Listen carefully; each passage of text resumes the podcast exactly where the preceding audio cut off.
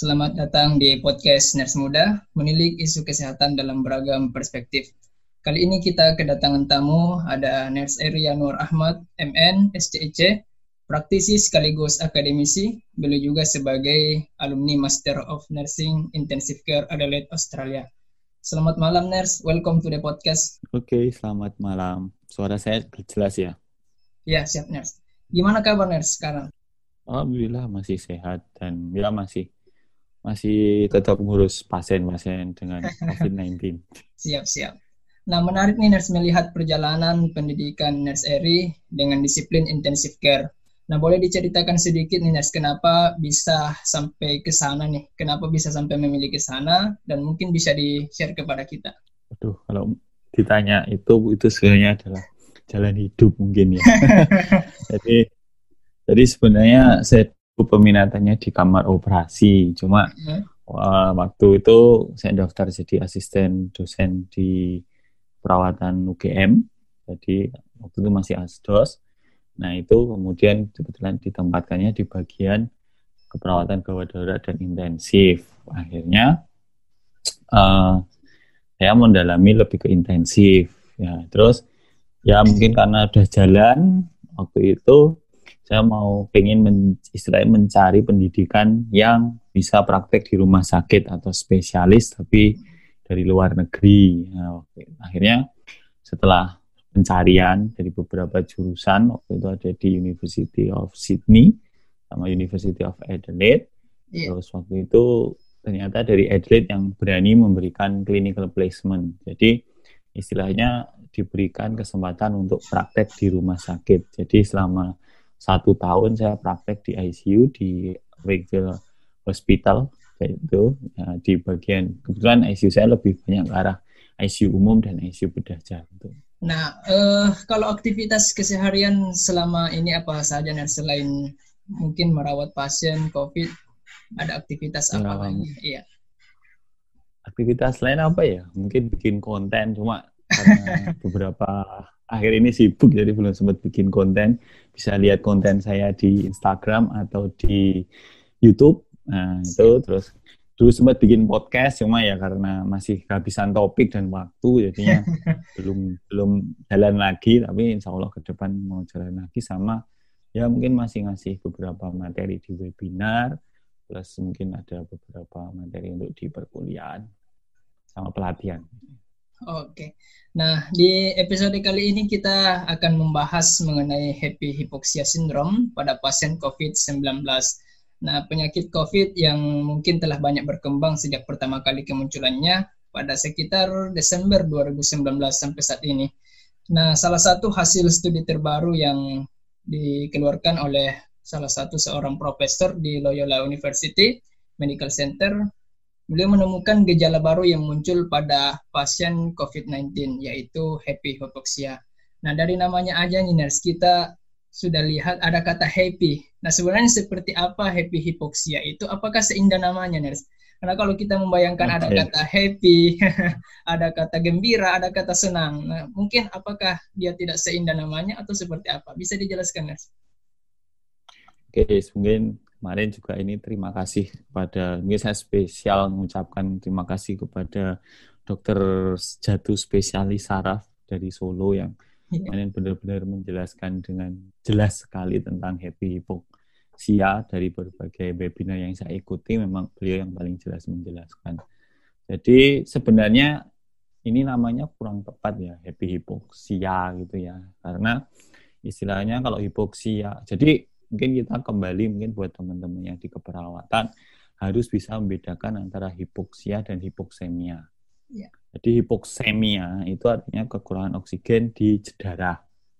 Nah, kayak anemia gitu ya, itu kan hubungannya sama darah.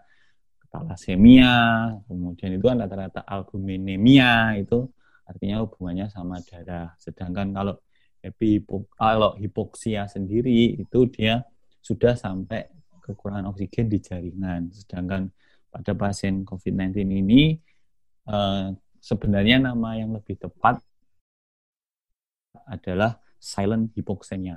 Jadi sebenarnya tidak jadi ini bukan hal yang baru sebenarnya silent hypoxemia ini, tapi di beberapa penyakit itu sudah ada memang silent hypoxemia ini dan uh, istilahnya mungkin karena di sosial media lebih ngetren dengan happy hypoxemia mungkin ya, jadi orang lebih nyebutnya happy hypoxemia. Mungkin kalau disebut happy nggak happy ya, cuma karena mungkin istilahnya karena pasien yang mengalami apa uh, mengalami penurunan kadar oksigen dalam darah ini ya saturasi oksigen dalam darah ini tidak menunjukkan gejala seperti sesak nafas atau apa sehingga pasien datang masih bisa ngobrol normal tanpa ada kelihatan gejala sesek dan sebagainya. Cuma saturasinya biasanya turun karena kan seperti kita tahu bahwa saturasi normal itu antara 95 sampai 100. Beberapa pasien yang datang yang saya tangani itu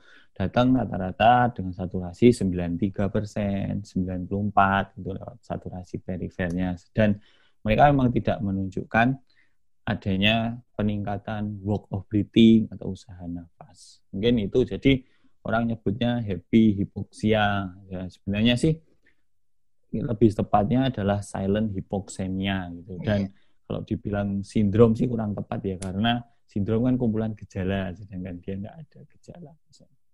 Iya baik. Nah e, dalam beberapa data nurse kita melihat juga bahwa memang eh, rata-rata silent hypoxia ini lebih banyak dialami pada pasien-pasien dengan COVID yang tanpa gejala nurse.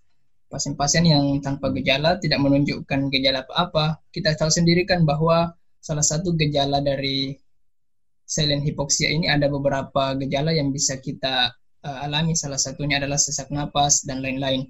Nah, kenapa sih bisa di pasien-pasien yang COVID dengan OTG itu nggak bisa merasakan gejala apa-apa, nurse? Oh, jadi sebenarnya kalau dibilang nggak ada gejala sih kurang tepat ya. Kalau orang yang tanpa gejala ya, menurut pendapat saya itu ya biasanya mereka memang nggak ada gejala. Kalau yang pada pasien yang happy atau silent hypoxemia ini itu ada gejala biasanya ada pneumonia. Hmm. Jadi kalau dibilang tanpa gejala itu nggak tepat sebenarnya. Jadi karena memang tetap ada pneumonia dan pneumonia biasanya bilateral. Kemudian pasti ada riwayat demam. Jadi kalau ditanya itu selama 12 14 hari ke belakang pasti pernah ada riwayat demam. Cuma kan karena terga jadi seperti sudah dijelaskan bahwa kalau Anda mau belajar simpel di masa pandemik ini rumusnya adalah jumlah imun versus jumlah uh, antivirus. Jadi jumlah virus versus jumlah antibodi atau imun. Jadi kalau jumlah virusnya banyak, imunnya sedikit atau imunnya lemah, ya Anda pasti akan menunjukkan gejala. Entah gejalanya itu lama atau sebentar, pasti ada gejala. Karena nggak mungkin ya tanpa gejala. Kalau memang yang tanpa gejala itu biasanya ada dua kemungkinan. Dia terpapar tapi tidak terinfeksi atau dia terinfeksi tapi imunnya bagus sehingga dia tidak menunjukkan gejala. Jadi gejalanya sudah hilang.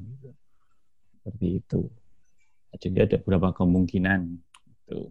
Terus kalau dibilang sesak nafas malah nggak sesak nafas mas. Hmm. Ya, jadi kalau di happy hypoxemia itu pasiennya nggak belum menunjukkan sesak nafas. Makanya dia datang ngomong, jalan itu bisa.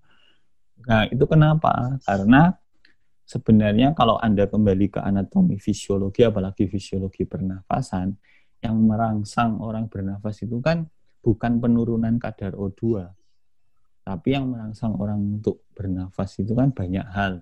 Salah satunya adalah dari kemoreseptor atau reseptor kimia yang ada di dalam otak. Nah, reseptor kimia dalam otak itu menilai salah satunya gas darah, Ya, gas darah itu bisa pH, kemudian PaCO2, PaO2, SaO2, itu kan semua ada di AGD. Nah, iya. di situ biasanya kalau dilihat awal-awal datang seperti di beberapa beberapa pasien yang datang melaporkan itu memang CO2-nya masih PaCO2 atau tekanan arteri di CO2-nya masih dalam batas normal. Sehingga kalau CO2-nya masih dalam batas normal, memang dia belum merangsang untuk sesak nafas. Itu seperti itu. Jadi kalau istilahnya kalau orang kritikal kan mungkin ini adalah hipoksemia tipe 1 di mana hipoksemia tanpa mengalami peningkatan karbon dioksida. ada tipe-tipenya juga ya nurse untuk uh. Ada gagal nafas itu kan ada dua, ada tipe satu, ada tipe dua. Nah, mungkin pada pasien yang happy hypoxemia ini lebih ke arah uh, gagal nafas yang tipe satu. Jadi memang CO2-nya tidak meningkat, tapi uh, PaO2-nya sudah turun. Makanya memang lebih valid memang pakai AGD kalau mau lihat pasien-pasien dengan happy hypoxemia ini. Tapi biasanya memang ditunjukkan dari saturasi perifer oksigen juga beberapa sudah menunjukkan bahwa dia mengalami penurunan.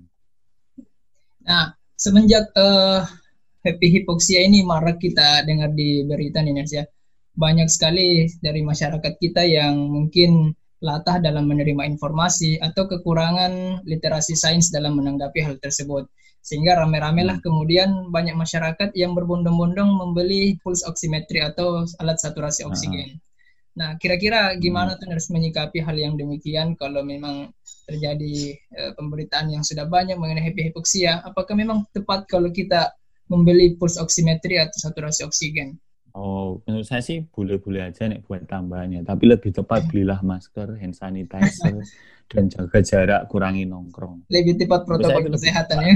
Uh, uh, karena Anda mau, kalau Anda tetap beli saturasi, tapi Anda tetap nongkrong, Anda tetap jalan-jalan, Anda tetap ke mana-mana, lagi nggak pakai masker, jarang cuci tangan, ya itu resikonya tetap bisa terkena, gitu, iya. terkena atau ter terpapar COVID-19 terus kemudian terinfeksi. Makanya lebih amannya itu Anda boleh nih Anda mau beli apa Anda beli misalkan pulse oximetry itu boleh dalam artian hanya untuk ngecek saturasi oksigen tapi lebih bagus lagi nih Anda langsung melakukan medical check up.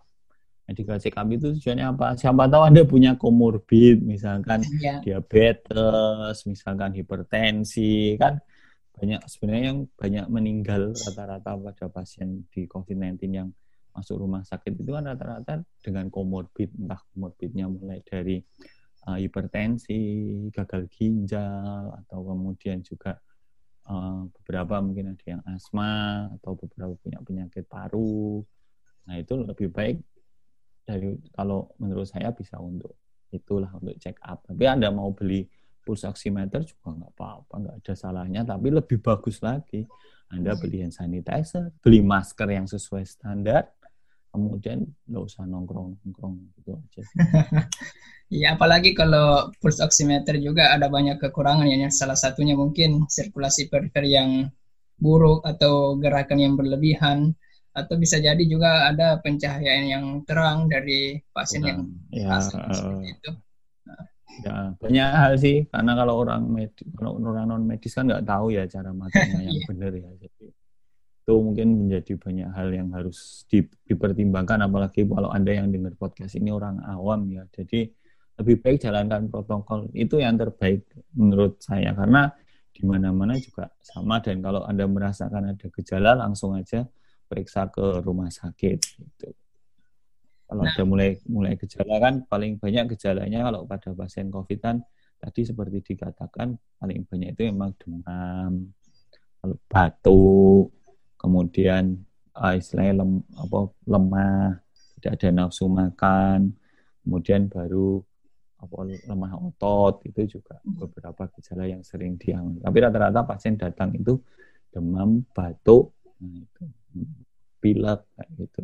Nah, kalau yang disampaikan tadi oleh Nerseri bahwa saturasi oksigen pasien COVID-19 pada kondisi happy hipoksia itu batasan sampai di berapa persen aja nih biar teman-teman dan pendengar tahu berapa batasan uh, ya, saturasinya. Batasan no, batasan saturasi normal itu di atas 95. Udah, intinya kalau di bawah 95 itu artinya sudah mengalami hipoksemia. Nah, hipoksemia itu kan ada levelnya ada hipoksemia sedang, ada hipoksemia uh, ada hipoksemia ringan, ada hipoksemia sedang, ada hipoksemia berat.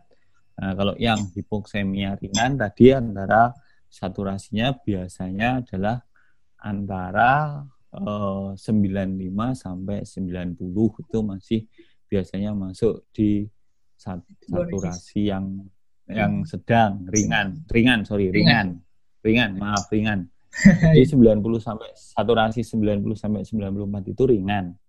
Jadi terus hipoksemia ringan. Kemudian kalau yang sedang itu 75 sampai 89, kalau berat itu udah di bawah 75. Tapi seperti dijelaskan kemarin oleh dokter Jatuh bahwa biasanya pulse oximetri itu sudah tidak valid kalau dia sudah di bawah 90. Oh, di bawah 90. Jadi kalau dia udah nggak valid. Jadi misalkan masih hipoksemia ringan dalam artian antara 90 sampai 94 ya itu mungkin saturasi apa saturasi perifer atau pulse oximetri masih bisa dipercaya. Tapi kalau udah di bawah itu, di bawah 90 kemarin dikatakan bahwa itu sudah tidak valid lagi. Jadi lebih valid memang pakai AGD. Tapi biasanya pasien udah saturasi di bawah 90 itu biasanya udah anu mulai menunjukkan ada gejala-gejala yang menunjukkan bahwa CO2 ini naik. Gitu. Biasanya sih seperti itu. Iya. Biasanya ya. loh ya. Yang sorry saya tambahi. Jadi yang ya. silent hipoksemia yang datang ke rumah sakit itu biasanya masih hipoksemia biasanya loh ya ringan. Oh gejala ringan ya? Hipoksemia ringan, bukan ya. gejala ringan, tapi hipoksemia ringan karena nggak ada gejala dia. Jadi hipoksemia ringan. Ya oke. Okay. Jadi eh, pada pasien-pasien dengan penurun dengan penurunan kadar saturasi oksigen ya dengan satur, saturasi oksigen yang rendah bisa menyebabkan risiko gagal napas meningkat. Kemudian bisa juga sampai menyebabkan angka kematian meningkat, risiko masuk ICU meningkat, juga risiko penggunaan alat bantu napas yang meningkat. Nah, sebagai perawat Niners, kira-kira apa intervensi atau penata laksanaan yang bisa kita berikan pada pasien-pasien dengan gejala yang seperti ini? Apakah ada ya, intervensi khusus yang bisa diberikan sebagai seorang perawat? Ya. ya, tentu sebagai perawat itu kan kan kita kadang menerima pasien ya, jadi kita harus melakukan pengkajian dengan baik. Jadi kalau menurut saya ya salah satu hal yang harus kita lakukan adalah pengkajian dengan pendekatan ABCDE ya. Jadi mulai dari pendekatan airway, breathing, circulation, disability, kemudian exposure. Jadi pertama pendekatan airway ya kita lihat pasiennya batuk atau enggak, airway-nya clear atau enggak. Nah, itu menjadi hal yang penting karena siapa tahu kalau pasiennya banyak sputum, kemudian juga anu kan dia beresiko untuk tiba-tiba mengalami apnu atau apa sehingga kita harus mengkaji RW-nya. Kemudian setelah itu breathing. Mungkin buat teman-teman yang perawat di sini tak kasih tips ya kalau mau mengkaji breathing itu pakai singkatan BOS. Jadi breathing, oksigen, saturation. Jadi kalau Anda mau mengkaji breathing itu ingat oksigennya pakai apa? Apakah pakai nasal kanul atau atau dia nggak pakai apa-apa, kemudian cek saturasinya, saturasinya berapa. Nah, jadi saat Anda mengkaji breathing, setelah itu juga Anda lihat look, listen, feel ya. Maksudnya Anda lihat uh, apa ada otot bantu nafas yang dipakai atau tidak, kemudian pengembangan dadanya simetris atau tidak. Kemudian kalau Anda punya stetoskop ya pakai untuk auskultasi ya, karena stetoskop itu tujuannya untuk auskultasi bukan buat Nancy. Ya kan ada perawatan stetoskop digunakan untuk Nancy ya. Jadi stetoskop itu untuk auskultasi sebenarnya karena sekarang juga udah banyak tensi-tensi yang pakai tensi digital udah nggak perlu pakai mendengarkan yeah. bunyi Korotkov lagi ya karena kan yang kita dengerin waktu kita nensi itu kan Korotkov 1 dan Korotkov 2 nah sedangkan di situ uh, mesin udah dia punya caranya sendiri untuk mendeteksi itu jadi terus stetoskop fungsinya apa kok tetap mungkin teman-teman harus punya ya untuk mendengarkan suara nafas. Nah, jadi terus gimana cara mendengarkan suara nafas? Simple. Anda harus tahu suara nafas normal dulu. Kalau Anda belum tahu suara nafas normal, nggak akan bisa menemukan suara nafas yang abnormal. Caranya gimana? Ya, dengarkan suara nafas Anda sendiri. Kalau itu beda dengan suara nafasmu, ada tambahan, berarti itu abnormal. Kemudian yang selanjutnya ada di circulation. Circulation itu yang paling simpel dilihat kapilari refillnya kapilari refillnya apakah lebih dari dua detik atau enggak? Terus setelah itu tensi. Biasanya tensi itu anda harus lihat MAP atau mean arterial pressure di mana rumusnya adalah dua diastol ditambah satu sistol dibagi tiga. Normalnya lebih dari 65 ya beberapa mungkin yang paling bagus itu di atas 70 itu MAP ini biasanya aman. Kalau 65 itu masih mepet. Jadi MAP atau mean arterial pressure itu menunjukkan perfusi sampai ke jaringan. Kemudian juga cek pulse pressure-nya. Jadi pulse pressure itu jarak antara sistol dan diastol. Jadi kalau jadi Anda ngenensi itu harus lihat jarak sistol diastolnya terlalu jauh atau terlalu dekat. Kalau terlalu dekat itu biasanya kurang bagus. Misalkan pada pasien yang shock itu kan rata-rata orang bilang 90 per 60 kan jaraknya cuma 30. Berarti kan masih kurang. Tapi kan kalau kita lihat normal kan 120 per 80 rata-rata ngomongnya kan sekarang.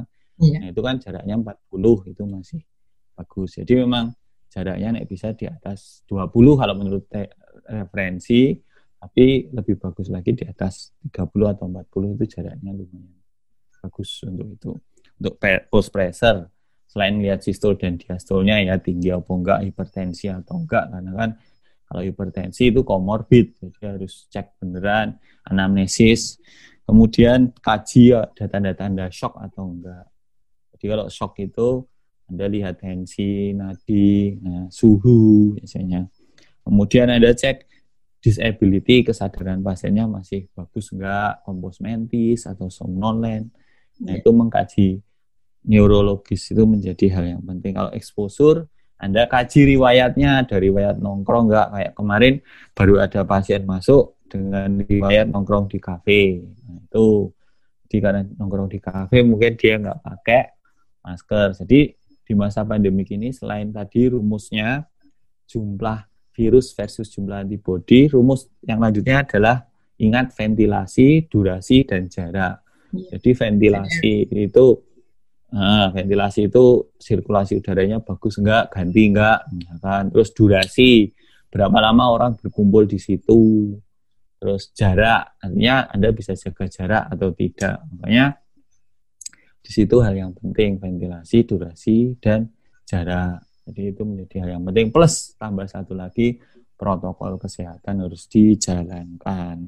Ini itu sih menurut penjelasan ya. saya apa yang harus kita lakukan sebagai perawat. Jadi teman-teman yang mahasiswa keperawatan ya jangan jadi contoh yang tidak baik dengan malah nongkrong di luar ya, itu ya. Jadi jadilah apa ya istilahnya role model.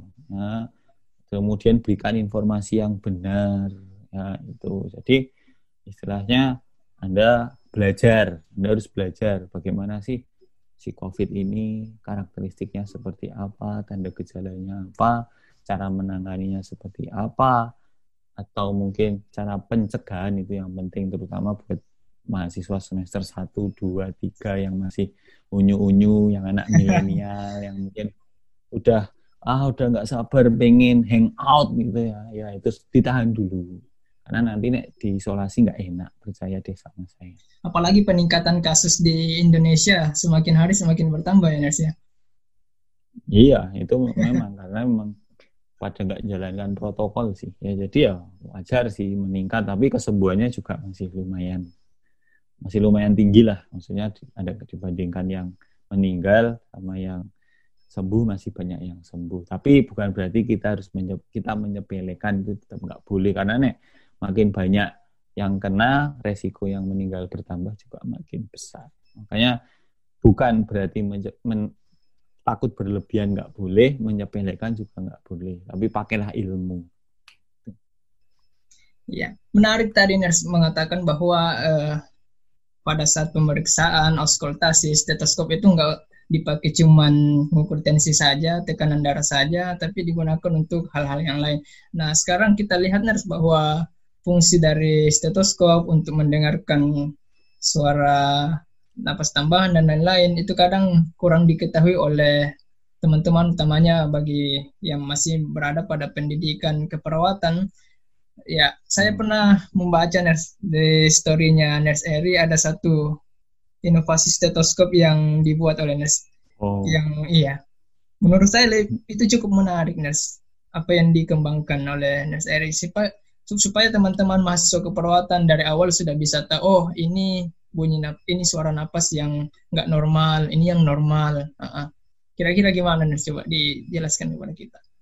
Oh ya, itu sedang dalam pengembangan sekarang. Alhamdulillah kemarin ada salah satu institusi pendidikan di Yogyakarta yang berminat untuk mengembangkan itu dan dosen yang bersangkutan sedang mengembangkan dan nanti lebih bagus lagi karena pakai teknologi yang lebih canggih. Maksudnya dengan konsep yang sama tapi teknologinya jauh lebih canggih. Cuma saat ini masih belum bisa diungkapkan. Insya Allah kalau sudah launching kita akan kasih tahu dan mungkin teman-teman yang di Poltekkes mungkin yang akan tahu itu. Kita tunggu perkembangannya. Iya, mungkin ya. Mungkin nanti akan ada uh, inovasinya muncul. Ya, dan semoga itu bermanfaat karena itu cukup murah dan itu penting karena emang nggak banyak sih institusi keperawatan yang mengembangkan istilahnya pemeriksaan fisik ya. Mungkin ini masukan ya buat semua teman-teman pendengar atau mungkin dosen-dosen yang dengerin ini atau iya. mungkin teman-teman perawat yang dengerin ini mungkin dari pengalaman saya waktu saya praktek di ICU di Australia itu sebenarnya kalau selalu saya ngomong kalau masalah skill perawat Indonesia itu jauh lebih pintar buat nginfus buat apa itu jauh lebih pintar tapi kalau ditanya rasional itu masih kita masih tertinggal. Misalnya ditanya kenapa kamu nginfus pakai cairan itu? Itu rata-rata masih ya karena ordernya gitu gitu. Jadi belum belum ada rasional yang dipakai. Tapi nek perawat sana ditanya kenapa infusnya itu? Mereka pasti bisa menjawab.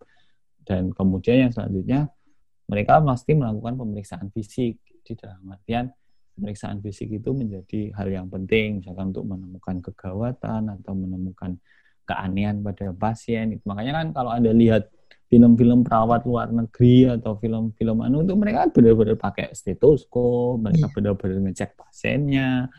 Nah, gitu. Jadi pemeriksaan fisik itu menjadi hal yang penting. Jadi jangan lupakan pemeriksaan fisik. Mungkin banyak yang nggak tahu isokor itu apa, pupil isokor apa itu, refleks pupil normalnya berapa, diameter pupil normalnya berapa, pada tahu nggak? Dan itu seperti hal-hal yang sederhana, bahkan dulu, dulu di beberapa kali saya ngasih pelatihan BTCLS kebetulan kan saya megang di Megakut ya.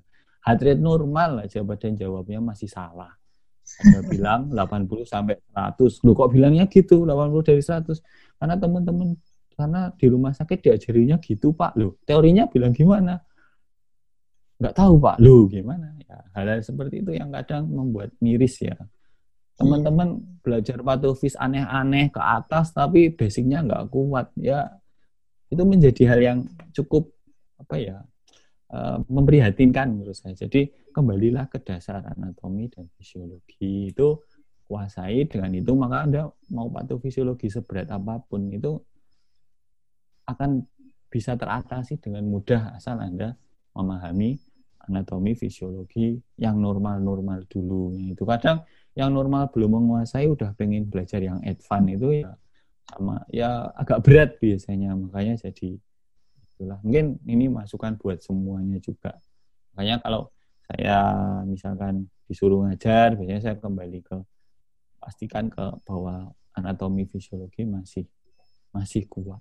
Itu sih. Itu menurut saya pribadi ya. Karena setelah saya mengalami praktek di luar negeri memang terasa sekali bahwa basic untuk anatomi fisiologi yang kuat itu menjadi hal yang penting. Contohnya ini pada pasien dengan silent hypoxemia ini kok nggak naik RR-nya? Nah, ya karena memang secara fisiologi yang menaikkan kan nggak cuma kekurangan O2 malah yang menaikkan kan peningkatan CO2. Padahal itu kan fisiologi dasar sekali. Kembali ke fisiologi dasar. ah, ah, itu. Makanya kalau kemarin juga ngobrol dengan beberapa teman yang dokter memang kalau mereka mau jadi spesialis biasanya harus menguasai fisiologi dasar karena tesnya nanti lebih ya. tentang fisiologi dasar. Nah, penyakit itu kan jadi gini nek, kalau Anda mau belajar tentang penyakit, penyakit itu penyebabnya gangguan ada tiga penyebab penyakit. Yang pertama gangguan anatomis. Anatomis itu artinya bentuk. Contohnya fraktur. Fraktur itu kan bentuknya berubah. Anatomis. Ya kan? Nah, kalau bentuknya berubah, pasti biasanya fisiologisnya berubah. Kalau fisiologis itu ngomongin fungsi.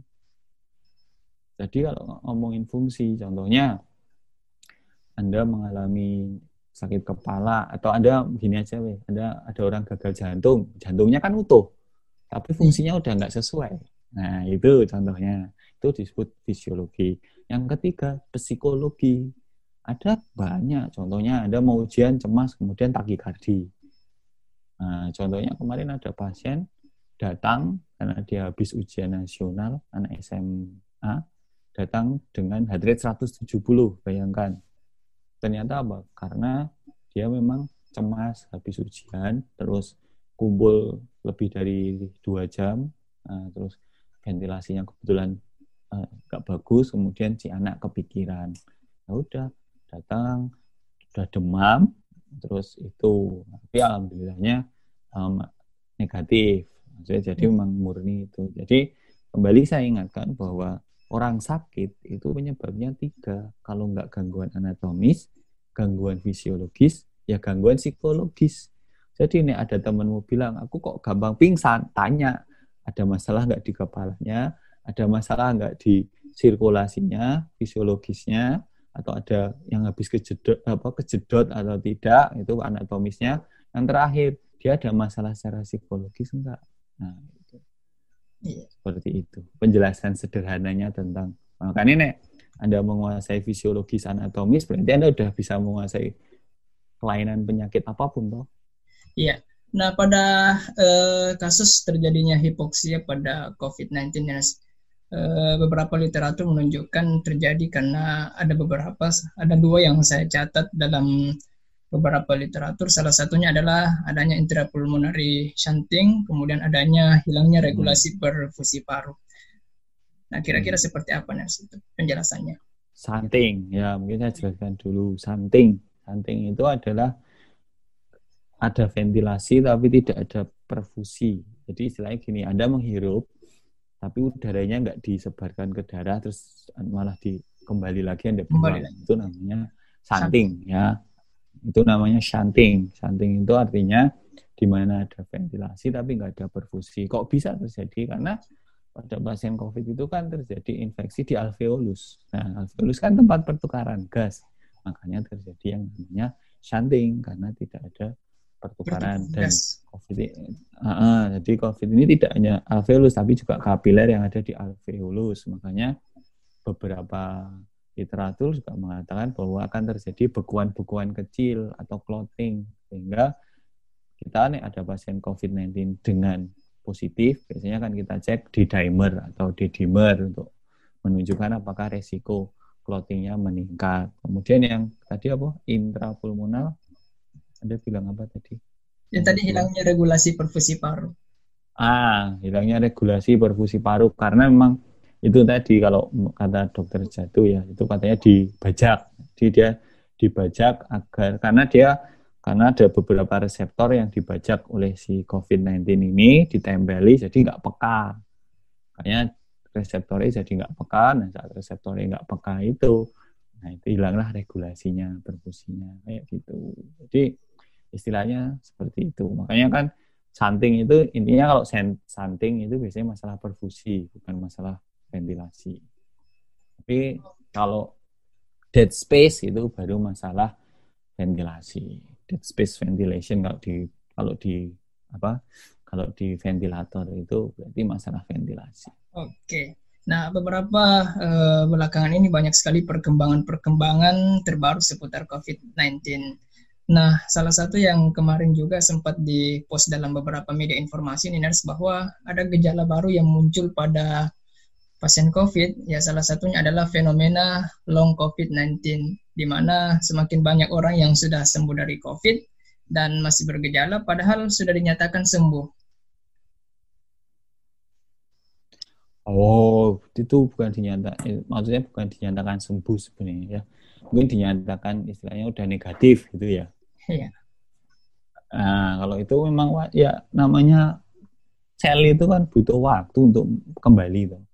Ya, jadi nggak bisa serta merta ada nih luka, luka di kaki itu kemudian jadi luka itu kan juga butuh waktu untuk kembali normal. Ya, itu sama sih prosesnya. Jadi mungkin istilahnya orang yang negatif tapi masih merasakan ada gejala, ya tubuhnya lagi dalam masa recovery. Iya, yeah, recovery.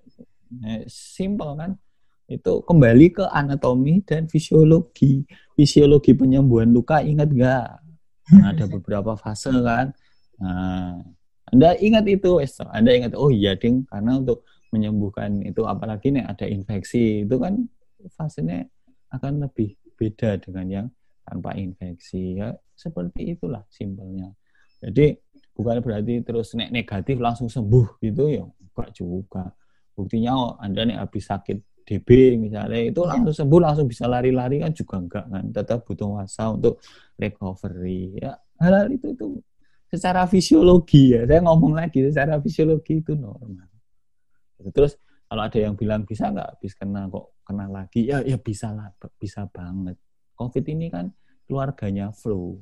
Anda anda kena flu dalam seumur hidup berapa kali? Nggak cuma sekali kan? Ya udah nah, makanya saya bilang apa rumus sederhananya jumlah virus versus jumlah antibody. Turunkan jumlah virus caranya apa? Pakai masker. Ya kalau kemarin saya ngobrol sama seorang ahli mikrobiologi amankan zona T Anda. Zona T itu apa? Mata hidung dan mulut. Jadi amankan zona T Anda mata hidung dan mulut. Berarti caranya gimana? Ya ditutup ditutup pakai apa masker Terus kalau Anda mau megang area zona T, mata, hidung, dan mulut, cuci tangan dulu. Karena itu namanya kalau dalam istilah infeksi, port de entry atau tempat masuknya. Nah, jadi tempat masuknya virus dari tiga itu zona T itu. Jadi tangan Anda misalnya banyak virus ya, misalnya Anda habis megang lift, Anda habis megang apa. Kalau Anda nggak pegang mata, hidung, dan mulut, resikonya jauh lebih kecil. Tapi ini Anda udah pegang, nggak cuci tangan, guys, itu. Makanya cara mengurangi paparan satu mengurangi jumlah virus dengan pakai masker. Yang kedua, apa cuci tangan jelas karena pakai sabun itu dia udah si, si covid udah rusak selnya jadi nggak akan bisa berkembang lagi. Terus yang ketiga jaga jarak karena covid ini kan masih droplet. Jadi nggak airborne kayak TB misalkan ya ini masih droplet. Jadi dalam artian kalau droplet selama dropletnya nggak masuk ke zona T itu tadi ya Anda masih aman. Jadi itulah cara mengurangi jumlah virus. Yang selanjutnya meningkatkan antibodi. Ya gampang. Vitamin, vitamin C, vitamin E, istirahat yang cukup. Makanya dikurangi nongkrong, kurangi ngegame biar imunnya bagus. Itu sih. Simpel kan? Ya, kembali ke fisiologi tadi. Iya, baik. Itulah pentingnya kita memahami literasi sains yang kuat sehingga uh, kita sebagai seorang perawat kemudian bisa memberikan edukasi yang tepat kepada masyarakat. Karena saat ini kita melihat bahwa asupan informasi yang disampaikan kepada masyarakat, masyarakat nggak bisa terima dengan benar, masyarakat tidak bisa cerna dengan baik, sehingga terjadilah hal-hal yang kemudian menimbulkan kerugian-kerugian. Salah satunya adalah tingkat kepercayaan masyarakat tentang COVID-19 ini, yang semakin meningkat kasus, semakin juga masyarakat semakin abe dengan protokol kesehatan karena disinformasi literasi sains yang kurang. Ya, jadi kembali saya jelaskan bahwa happy hypoxia itu cuma istilah di sosial media kalau Anda mau cari yang istilah ilmiahnya adalah silent hypoxemia. Satu itu. Yang kedua, ingat saturasi normal itu di atas 95. Jadi kalau ada nemu pasien di bawah 95, rapor. Ya, Anda ingat Anda harus berkolaborasi, Anda tidak bekerja sendiri. Terus yang selanjutnya adalah selalu saya ingatkan untuk menjalankan protokol kesehatan. Ya, 3M ya, memakai masker, mencuci tangan, dan menjaga jarak. Terima kasih Ners atas ilmu yang diberikan pada malam hari ini di podcast Ners Muda.